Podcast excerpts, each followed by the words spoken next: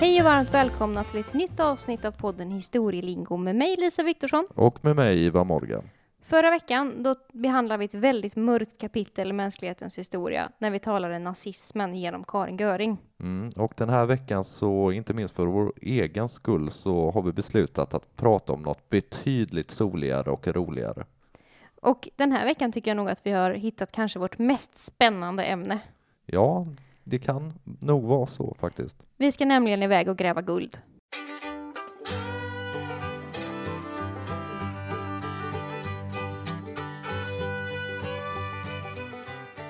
Och den vi ska gräva guld tillsammans med är en kvinna som hette Hilma Svedal och hon kom från Strömstad, alltså samma stad som jag bitvis är uppvuxen i, så det blir lite personligt för mig. Mm. Och eh, det blir också en mikrohistorisk berättelse där. Ja, och eh, vi kanske bara ska väldigt kort berätta vad mikrohistoria går ut på.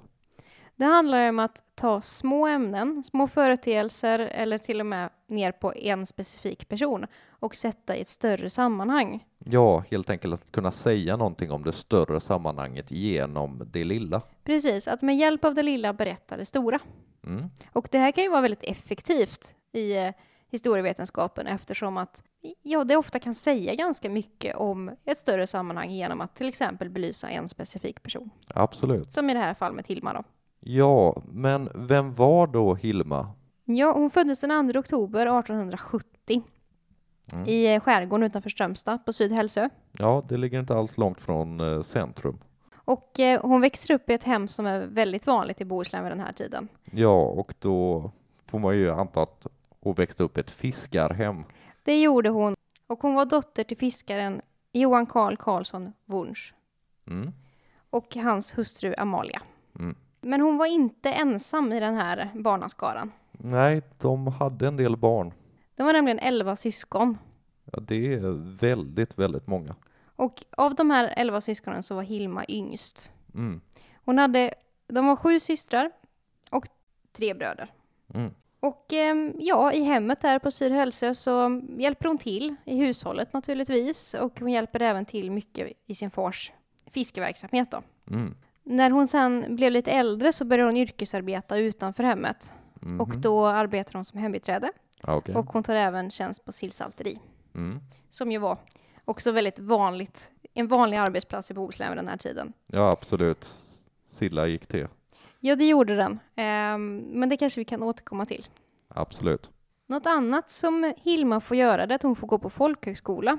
Ja, och det är inte helt vanligt för eh, flickor vid den här tiden. Det är det inte. Vi har tagit upp folkhögskola som fenomen vet jag tidigare i något av våra allra första avsnitt av Historielingo. Mm. Men folkhögskola, det blev väldigt populärt under andra hälften av 1800-talet och eh, en bit in på 1900-talet. Och det blev en plats som öppnades för kvinnor Mm. också, förutom männen då. Till skillnad från universiteten där det var Ja, där var det stängda dörrar. Det var stängda dörrar för kvinnor. Men en kvinna kunde helt enkelt göra en slags utbildning eller liksom gå någon, någon slags bildad karriär till mötes via folkhögskola. Och det gällde även män som var mindre bemedlade som inte hade råd att studera vid universitetet och så vidare. Ja, vi kan ta till exempel Vilhelm Moberg, ett bra exempel på det här, och även eh, Dan Andersson. Mm, absolut. Och ehm, det här var som sagt väldigt populärt vid den här tiden när Hilma är ung. Och Mm. det, det är väl fortfarande ganska populärt med Ja, folkhögskola. det får man väl säga. Men ehm, det finns någonting annat också i samhället Mm. som lockar, förutom folkhögskola. Ja, vi kanske ska säga att den här folkhögskolan låg i Blomsholm som ligger, ja, lite utanför stan. Precis, utanför Strömstad. Och ehm, ja, men det jag talar om som lockar, det är ju USA.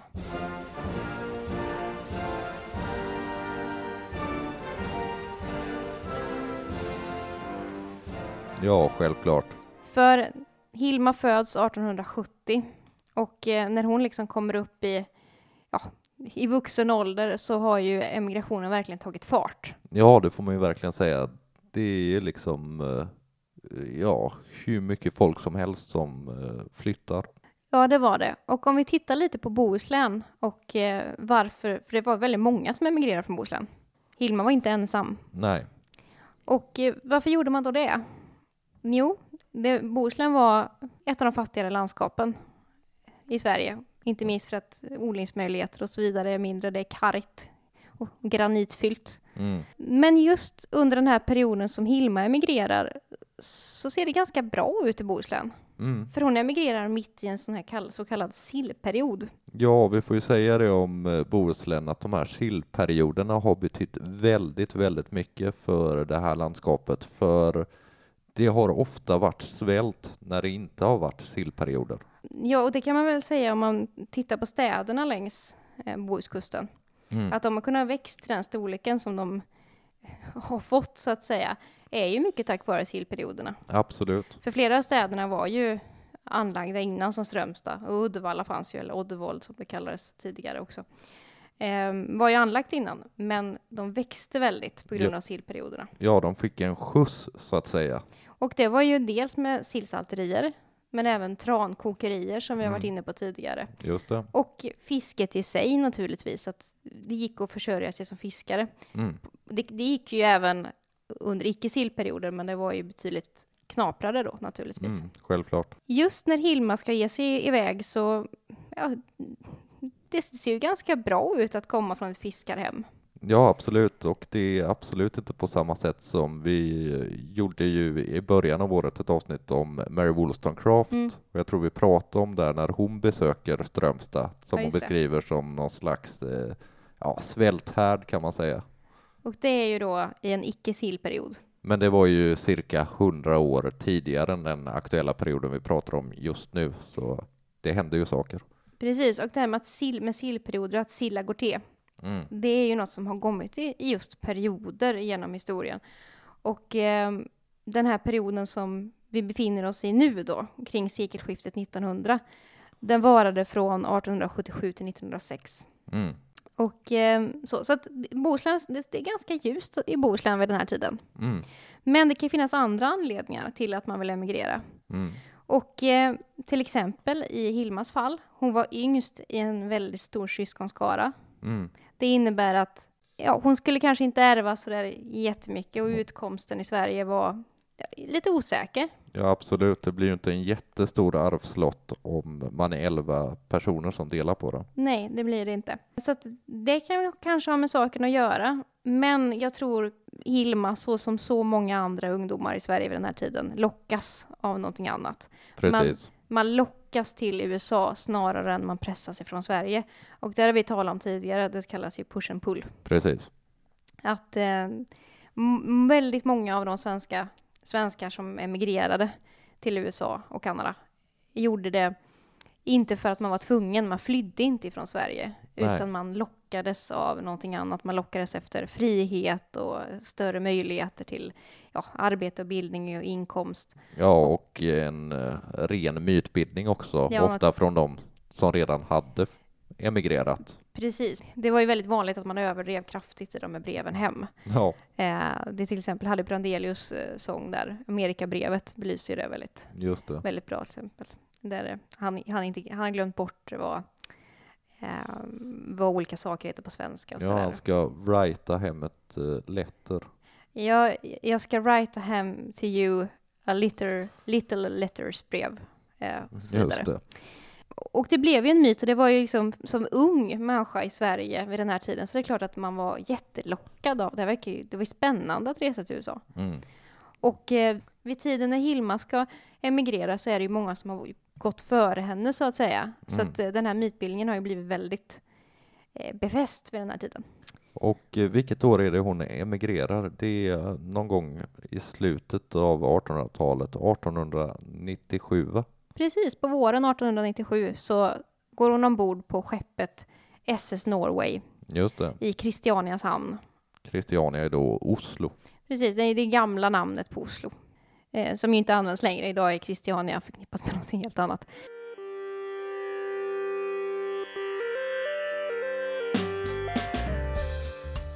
Men hon kliver ombord um, på SS Norway och hon eh, har köpt biljett på direktlinjen Oslo-New York. Mm. Och eh, den första tiden i USA, då stannar hon i New York. Ja, och det här är ganska vanligt också. Många, särskilt kvinnor som emigrerar, hamnar i New York den första tiden och eh, ja, jobbar som eh, bit- hushållsbiträde till exempel. Och en anledning till det kan ju till exempel vara att man inte har så mycket pengar för att biljetten till USA kostade väldigt mycket. Mm. Och eh, ett, det är lite sidospår, men relaterat till det här är ju att om man tittar på den svenska emigrationen, väldigt många från landsbygden och runt om i Sverige satsade väldigt mycket pengar på att ta sig till Göteborg. Mm. Och sen blev man kvar där för att arbeta sig till En biljett. en biljett till USA. Och väldigt, väldigt många av de här människorna stannade ju i Göteborg sen Mm. eh, och kom aldrig till USA. Nej, Så det är lite samma, eh, att, anledning varför många stannar i New York också. ja precis. Men Hilma blev kvar i New York i fyra år Mm. och hon eh, flyttar runt lite mellan olika arbetsgivare och hon arbetar som hembiträde, Mm. hushållerska. Samtidigt nu i USA så börjar det hända saker, både USA och Kanada. Kanske framförallt Kanada kan vi upprätthålla oss vid först. För 1896 så sätter guldruschen i Klondike igång.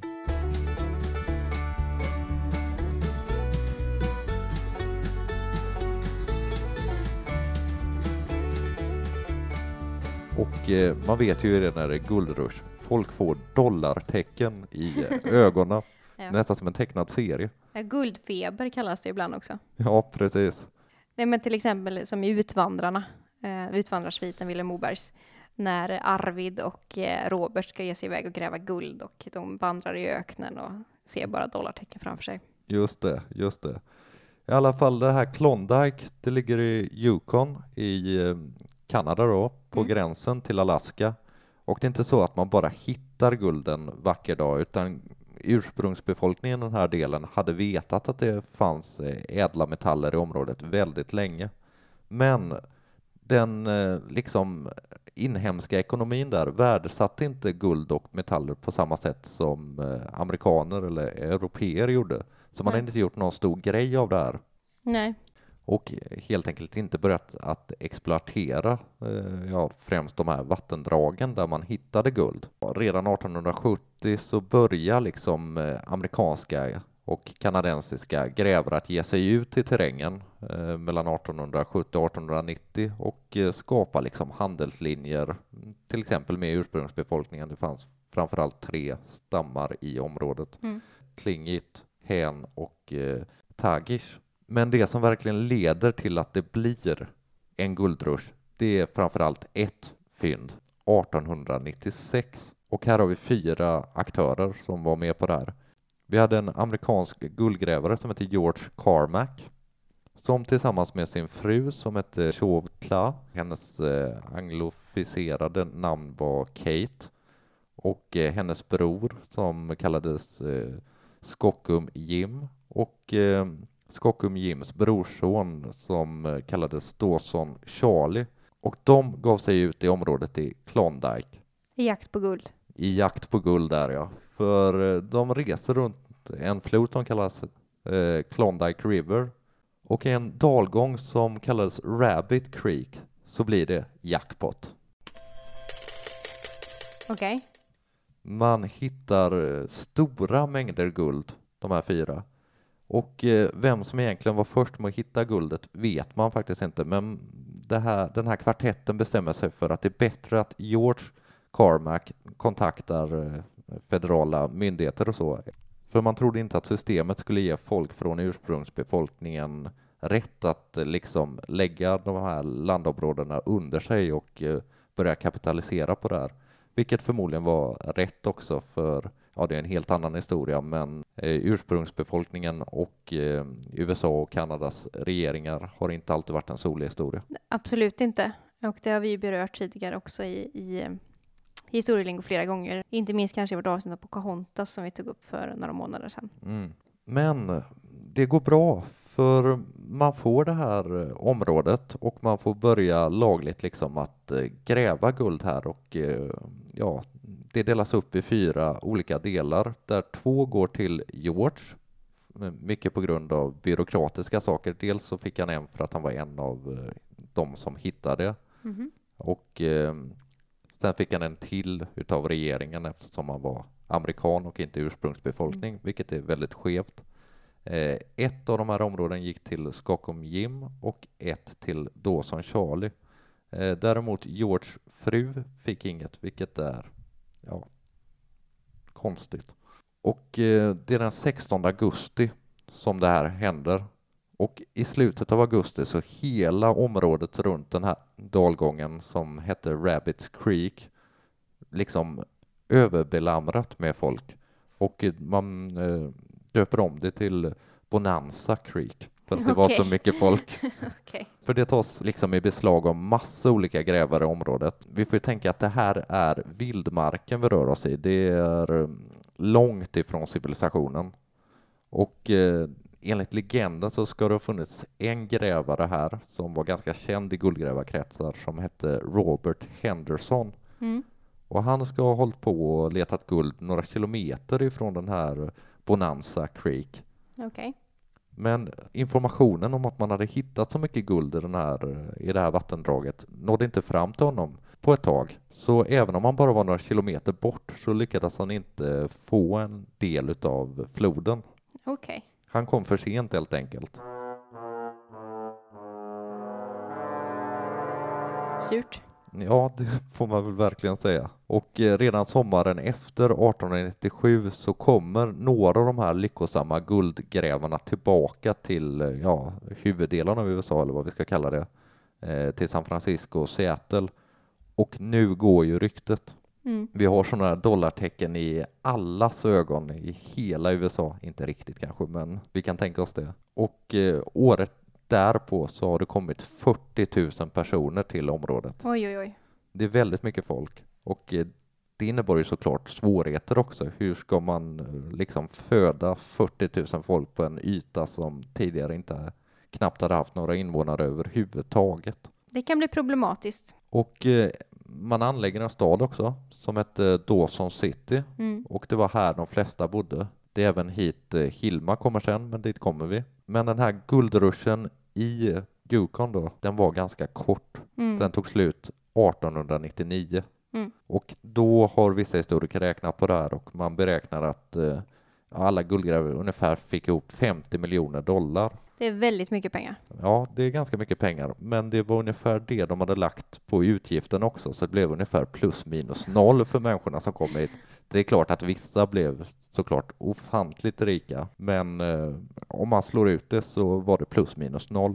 Och det är väl också därför det oftast kallas för guldfeber. Att man, man handlar kanske lite irrationellt Mm. i det där. Men ska vi återvända till Hilma lite grann?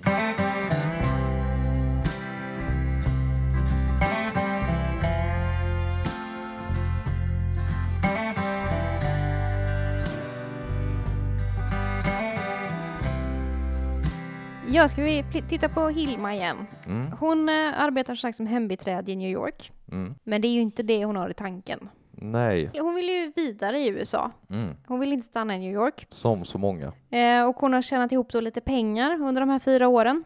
Och eh, hon börjar, hon, det här är en lång resa som hon kommer att, Mm. att göra. Ja, absolut. Hon börjar med att åka tåg från New York till Sacramento. Mm. Inte jättekort bit att åka tåg. Nej, det är ganska långt, särskilt med ja, 1800-talståg också. Kan man tänka sig att det inte var en särskilt bekväm resa. Precis, och eh, när hon befinner sig då i Sacramento så um, får hon nys om det här med guldet. Mm. Och tänker att det vore något. Ja, hon grips av febern precis som alla andra. Det gör hon och eh, hon sätter sig på en diligens. Och det kanske vi ska berätta vad det är för någonting. Mm. Det hade varit ett sånt ord som hade platsat i vårt gamla koncept när vi drog eh, lappar med begrepp i historielingos barndom. Just det. Men diligens var ju helt enkelt en transport med häst och vagn. Och det kunde vara gods, alltså varor och sånt där. Och det kunde vara postdiligenser och det kunde vara med personer. Mm. Så, som en slags droska. Och hon reser till Portland i Mm. Oregon, uppe i USAs eh, nordvästra hörn. Mm. Och därifrån tar hon sig vidare ut till kusten till Seattle. Och där sätter hon sig på en båt. Och eh, åker norrut. Hon åker norrut hela vägen till Skagway i Mm. Alaska.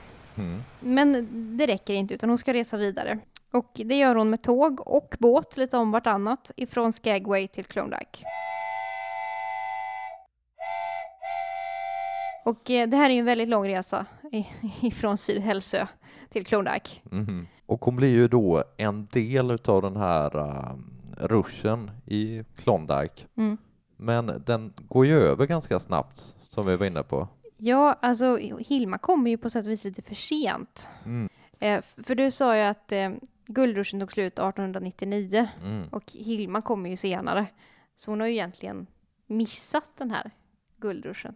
Mm. Men hon åker dit ändå. Det gör hon. Och eh, den här liksom guldruschen i Klondike, den har vid den här tidpunkten förflyttats till en annan plats, en stad som heter Nome som ligger i Alaska. Mm. Och eh, vi kan väl säga lite snabbt om Alaska, att Alaska blev amerikanskt 1867 när USA köpte det från Ryssland.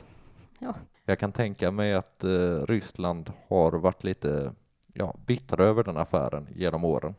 Ja, jag kan tänka mig att det sitter en lång man i Ryssland nu och är besviken. Ja, det kan jag också tänka mig. I alla fall, det här Nome hade blivit ett centrum för guldruschen eh, 1898 och eh, det var tre personer som låg bakom där och de brukar kallas de tre lyckosamma svenskarna. Mm, Okej. Vi har en eh, man som hette Jafet Lindberg. Han var i och för sig norrman.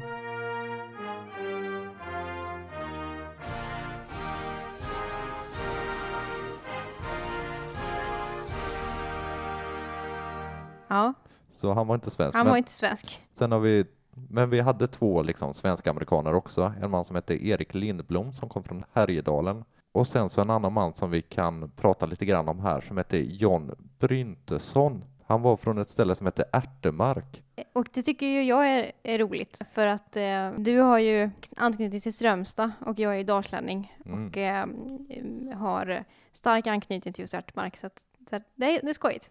Ja, och eh, Ärtemark ligger då som du sa i Dalsland i Bengts- Bengtsfors är det va? Är i Bengtsfors kommun. Och eh, han eh, sägs ha fått ihop så mycket som 600 miljoner dollar under sin tid i Alaska när han grävde guld.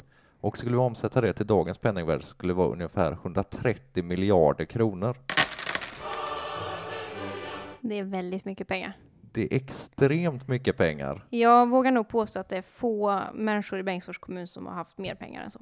Ja, han brukar räknas som en av Europas absolut rikaste personer vid den här tidpunkten när Ja. han kom tillbaka. Och han höll på med massa olika affärer efter det här. Till exempel eh, bruk i Lilla Edet. Ja, I alla fall, det var den 12 augusti som de här tre liksom fick jackpot. mm. Och nu sprids ju ryktet igen här 1898 och det är dollartecken igen i allas ögon. Och 1899 så kommer 10 000 personer till Nome och eh, det ska ha varit eh, längs kusten 50 kilometer olika tältläger. Så att det var väldigt mycket folk där också. ja, det, det kan, ja ver- verkligen. Men det var ju ett väldigt krävande arbete för man stod ju ofta i vattendrag och vaskade fram guldet. Det har ni säkert sett någon gång. Precis, och det här är ju inte liksom i Söderhavet utan det här är ju Alaska och Kanada. Det är jättekallt. Ja, det är, och även om man skulle åt guld som låg nere i marken så var det också jobbigt för det är ju permafrost där uppe. Så man var tvungen att liksom elda ovanpå marken eller ha olika ånger och sånt för att kunna liksom komma ner i jorden. Och eh, det var inte bara bäckar utan även på stränder höll man på med sånt här. Och den här guldruschen i Nome fick lite en revival 1904 och 1905 när man började hitta nya stränder som innehåller guld. Så som mest så bodde det 20 000 personer i Nome. Okej. Och det här blir ju ett samhälle. Vi får tänka att det är väldigt, väldigt långt ifrån resten av världen. Men de hade sjukhus, de hade tidning, de hade elverk, de hade poststation, skola, kyrka, telegrafkontor och faktiskt ett eget växthus också. Okej. Och det kan man ju tänka sig behövs uppe i Alaska. Ja, jag vet inte hur effektivt det var, men Äh, det förtäljer inte historien. jo, de fick faktiskt grönsaker och så. så Ja, okej. Så Ja. det var nog ganska effektivt.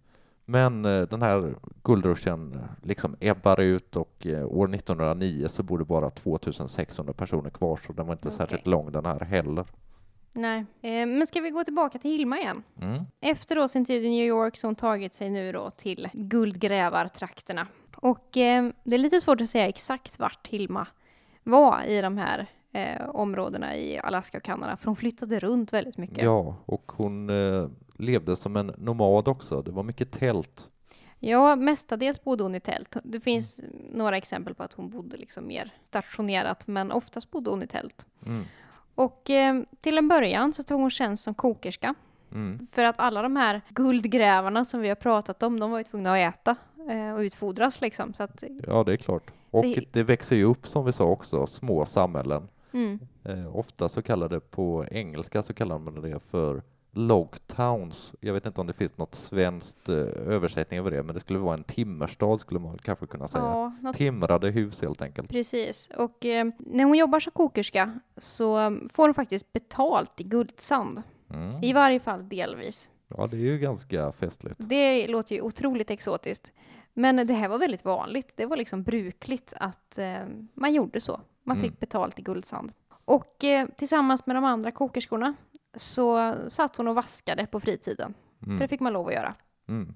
Ja, det var väl en bra extraknäck så att säga. Ja, precis. Och eh, som sagt, hon reser runt liksom fr- fram och tillbaka i de här eh, guldgrävartrakterna. Och hon träffar en man, John Svedal, Mm. norrman, och eh, de blir ett par och gifter sig 1912. Mm. Men som sagt, de stannar kvar där uppe Mm. i norr. Och eh, börjar mer eller mindre jobba som guldgrävare då. Mm. Hon eh, skippar det här andra hon hållit på med och blir en professionell guldgrävare. Precis, och lika så hennes make då, eh, John Svedal. Men eh, efter en del år eh, däröver så vill de komma hem till Norden igen. Mm. Och Hilma tar ut sin arvslott ifrån sin, sitt faders arv. Och det består av en bit mark på Nord Långö utanför Strömstad. Ja, precis, och det ligger ju precis bredvid Sydhälsö där hon var född. Precis, det är, det är grannön och där får hon en bit mark. Mm. Och eh, 1925 så flyttar de hem till Sverige. Och du sa ju att de ville hem till Norden. Det kanske var så att Hilma ville lite mer hem till Norden än vad hennes make ville. Ja, det var nog förmodligen så. För att eh, John, han står helt enkelt inte ut eh, på Nordlånga. Han eh, tycker inte alls att det är trevligt. Han vantrivs i Bohuslän. Och eh, vi hör till saken gör att det här med tältande som vi pratade om innan, att de bor ju i tält även på Nordlånga då. Ja, precis. De smäller upp sitt tält där på stranden eller i skogen. Eh, Jag vet inte exakt vart de hade det på ön, men någonstans på ön. Någonstans. Och eh, John han vantrivs och vill tillbaka till staterna. Mm. Och eh, han flyttar tillbaka till Amerika. Och eh, de skiljer sig inte, men de kommer att leva åtskilda resten av livet. Mm. Men Hilma, hon vill stanna kvar på sitt Nordlångö. Mm. Och vi får säga att det var 1925 som de kom tillbaka. Precis. Och 1926 så började hon bygga någonting som hon kommer vara ihågkommen för av eftervärlden. Ja, och som hon fortfarande är ihågkommen för. Mm. Och en av eh, ja, Strömstads största sevärdheter. Absolut. Det är en anläggning som eh, kort och gott heter Alaska. Ja, för i folkmun idag så kanske inte så många säger Nordlångö längre, utan det är Alaska. Ja, precis. Och vad är då Alaska? Jo, det är någon blandning mellan skulpturpark och trädgård kan man nästan säga. Mm, det kan man säga.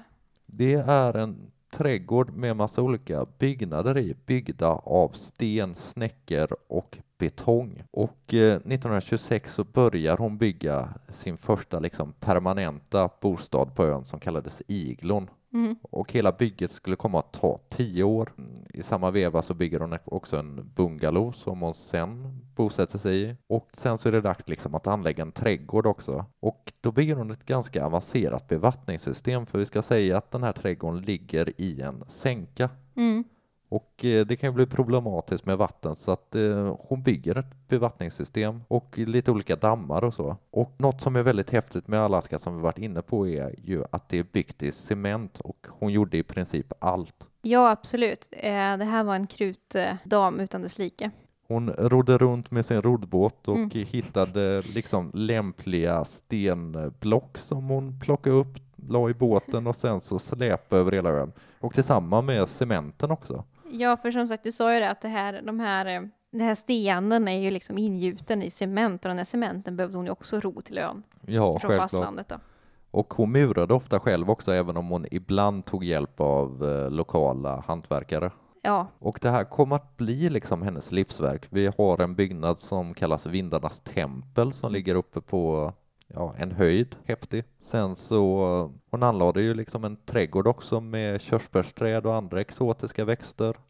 Ja, hon var ju lite fascinerad av Japan så att en hel del av trädgården har lite asiatisk eh, touch. Hon hade ju varit och besökt Kalifornien och där hade hon sett sådana här eh, japanska trädgårdar och där tog hon till sig och ville göra någonting eget av. Mm. Och eh, 1930 så står trädgården klar.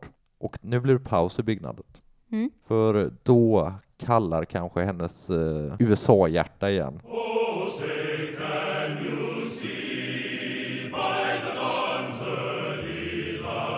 För då åker hon faktiskt över till USA för att hälsa på sin syster Justina som bor i San Francisco.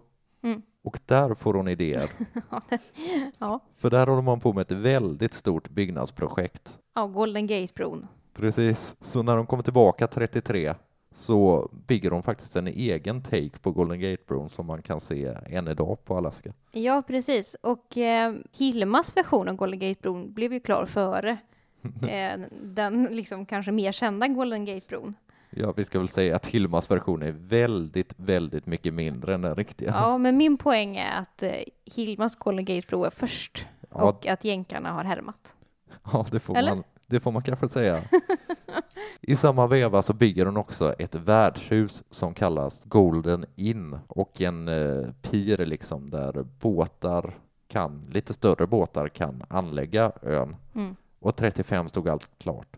Och det här blev en turistattraktion. Ja, absolut. Det var ju både exotiskt och trevligt att komma ut i skärgård och se det här, ja, häftiga bygget. Och eh, säkert eh, ganska trevligt att bo i det här värdshuset. Och på sommarnätterna så hade man eh, så kallade månskedsturer dit ut. Mm. Då får ni tänka er att det är sommarnatt, det är måskrik och eh, kommer en fiskebåt åkande för det var gamla fiskare som tog det som ett extra knäck att köra ut turisterna. Mm. Och så hör man dragspelsmusik och skratt och folkvimmel och ser lite ljus på håll och sen så är det dans och så. Så att det, det var nog väldigt trevligt. Ja, man hade velat varit med. Absolut. Och tänk dig liksom att åka till Nordlångö och eh, uppleva både Japan och USA och hela världen på en gång. Ja, samtidigt som man eh, kunde få en, ja, något gott att dricka. Och bodde man över på värdshuset också så brukade ofta Hilma själv servera kaffe och då hade hon som bricka hade hon det där fatet som hon hade vaskat guld med. Kom hon med, så sägs det i alla fall. Stämmer säkert. Sen så kommer ju andra världskriget och Mm. eh, då är det faktiskt den svenska militären som blir inackorderade på det här värdshuset och har det som någon slags bas i skärgården. Ja, för så var det ju att längs hela Bohuskusten så var det ju väldigt starkt då eh, svensk beredskap under kriget. Mm. Eh, och, men, men det var väl ganska kanske trevligt för de här människorna som låg inkallade att få bo på Golden Inn. Ja, jag tror det var trevligare än många andra som satt och det. frös Eh, uppe i Norrland någonstans och vaktade den gränsen. Ja, som sagt, Hilma var född 1870 så att hon börjar bli lite till åren Mm. efter kriget. Och hon eh, säljer hela sitt livsverk till sin brorson Johan Carl Lundberg. Mm. Och eh, Han fortsätter liksom att driva den här ja, turistanläggningen Han- får vi nästan kalla det. han fortsätter att driva den nästan resten av sitt liv. Mm. Eh, han säljer det året innan han själv går bort så säljer han det till eh, Oskar Nilsson eh, Spigerhäll 1961. Mm. Men eh, Hilma då, efter att hon har sålt sitt Alaska så flyttar hon in till fastlandet. Mm. Eh, men hon fortsätter ju att åka ut till Alaska Ja. eh, hela tiden i stort sett ändå. ja, hon bodde vid bågen om jag inte minns fel. Som Det ligger lite utanför stan. Ja, det gjorde hon. Och eh, Hilma själv, hon dog 1965 Mm. och hon är begravd på Skee kyrkogård. Mm. Och eh, det intressanta med det är kanske en inskription på hennes gravsten. Ja, Det står nämligen Don't worry. ja, det var hennes valspråk. Det använde hon i, i hela tiden som, som, sitt, eh, som sitt valspråk får man väl säga. Mm. Och, eh, men vad hände med Alaska då efter att eh, Hilma hade flyttat till fastlandet? Mm, det kan man fråga sig. Som sagt, hennes brorson driver på verksamheten i, liksom, i Hilmas regi eller Hilmas anda. Eh, och han säljer det då till den här Oskar Nilsson Spigerhäll. Men han får inte ha det speciellt länge. Nej. För att den 17 maj 1962 så är olyckan framme. Mm. Man ska nämligen dra in el i det här Golden Inn. Mm. Och någonting går snett så att hela stället brinner ner. Mm. För att Golden Inn då, till skillnad från mycket annat på Alaska, var ju byggt I eh, trä, i ja. trä och inte i sten. Och ehm, ja, det som händer efter branden, som ju var katastrofal förstås för, för de som var involverade i Alaska, det var att det såldes till den svenska staten 1964. Mm. Och då kan man ju undra, vad gör staten med ett sånt här stort kulturbesöksmål? Ja, man är ju inte jättebra på att förvalta det om man säger så.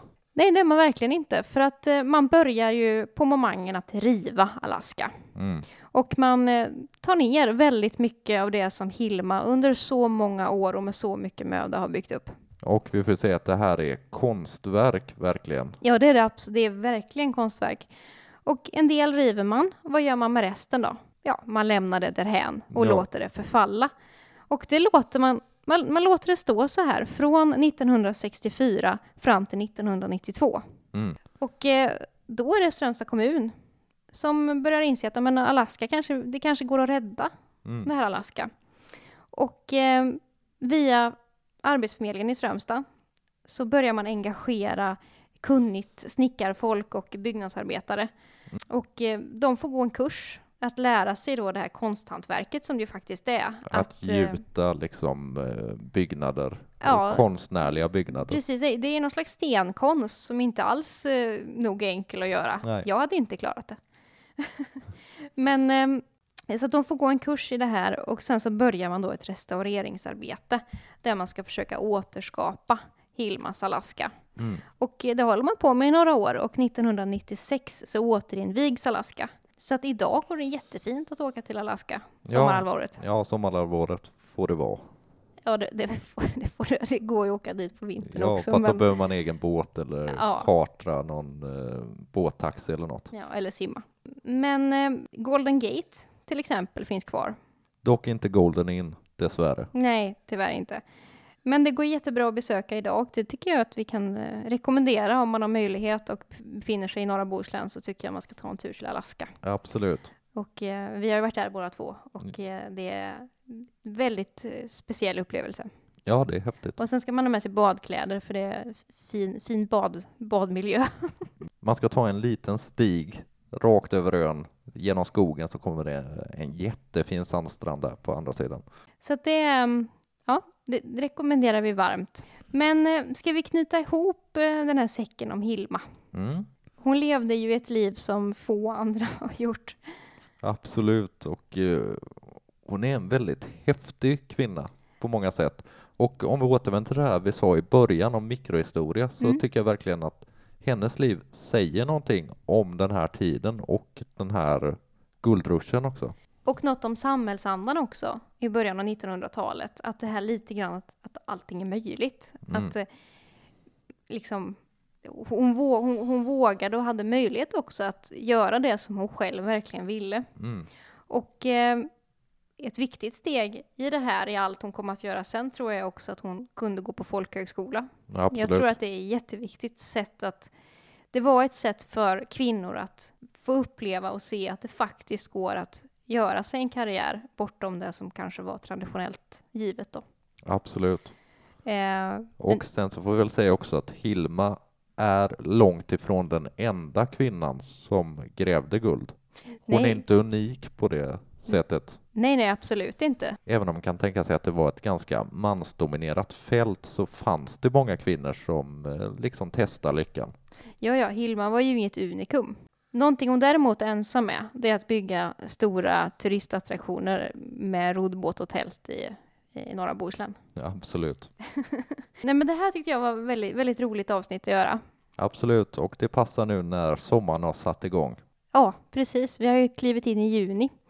Och eh, när ni lyssnar på det här så är det ju eh, en stor dag imorgon. Ja, just det. För det är nämligen så att imorgon är den 4 juni Mm. Och det är en dag att fira. Ja, för vi har ett stort födelsedagsbarn. Ja, eh, det är nämligen så att eh, Sveriges viktigaste stad fyller 400 år imorgon. Och då pratar vi inte om Stockholm, utan vi pratar om Göteborg. Ja, eh, imorgon fyller Göteborg 400 år. För 400 år sedan så bestämde ja, en, en liten karaktär i historien, eh, Gustav II Adolf, att eh, man skulle anlägga en stad vid eh, Göta älvs mynning. Mm. Och titta vad bra det blev. Ja, Så att ehm, vi vill väl eh, avsluta det här avsnittet med att eh, eh, rikta ett stort, stort eh, grattis på födelsedagen absolut. till eh, vårt älskade Göteborg. Och eh, kanske lägga in en liten brasklapp också att förra gången ehm, Göteborg fyllde jämnt, alltså 1921, då ställde man in firandet Mm. och sköt fram det två år. Mm. Så att man hade ett jätte, jätte, jättekalas eh, 1923. Precis. Och den, det är ju allmänt känt som jubileumsutställningen. Eh, och då gjorde man jättemycket konstiga saker. Det kanske mest kända därifrån är att man byggde Liseberg. Men eh, det har ju blivit likadant i år. Ja, dessvärre. Eh, på grund av hur situationen ser ut i världen så blir det inget födelsedagskalas i år. Nej, du, man eh, skjuter fram det två år. Så att det kommer bli ett kalas på 402-årsdagen, alltså, alltså 2023. Mm. Och eh, då tänker väl vi att vi skjuter väl upp lite på historielingos firande också då. Ja, vi får la skjuta upp det två år. Ja, så får vi se eh, vad som händer då. Mm. Men eh, ska vi avsluta med ett eh, hipp hipp hurra till Göteborg? Hurra, hurra, Hurra! Hurra! vi hoppas att ni tyckte att det här var ett intressant avsnitt. Ja, och eh, skulle ni vilja komma i kontakt med oss så har vi en e-mailadress som är historielingo.gmail.com och sen så har vi även en Instagram-sida. Och där heter vi Historielingo. Och det går väldigt bra att följa oss där. Eh, vi hoppas ni vill vara med nästa vecka också. Ja, och med de orden så bjuder vi er farväl. Det gör vi. Eh, nästa vecka blir det någonting helt annat. Ha det bra. Ha det bra. Hej. Hej.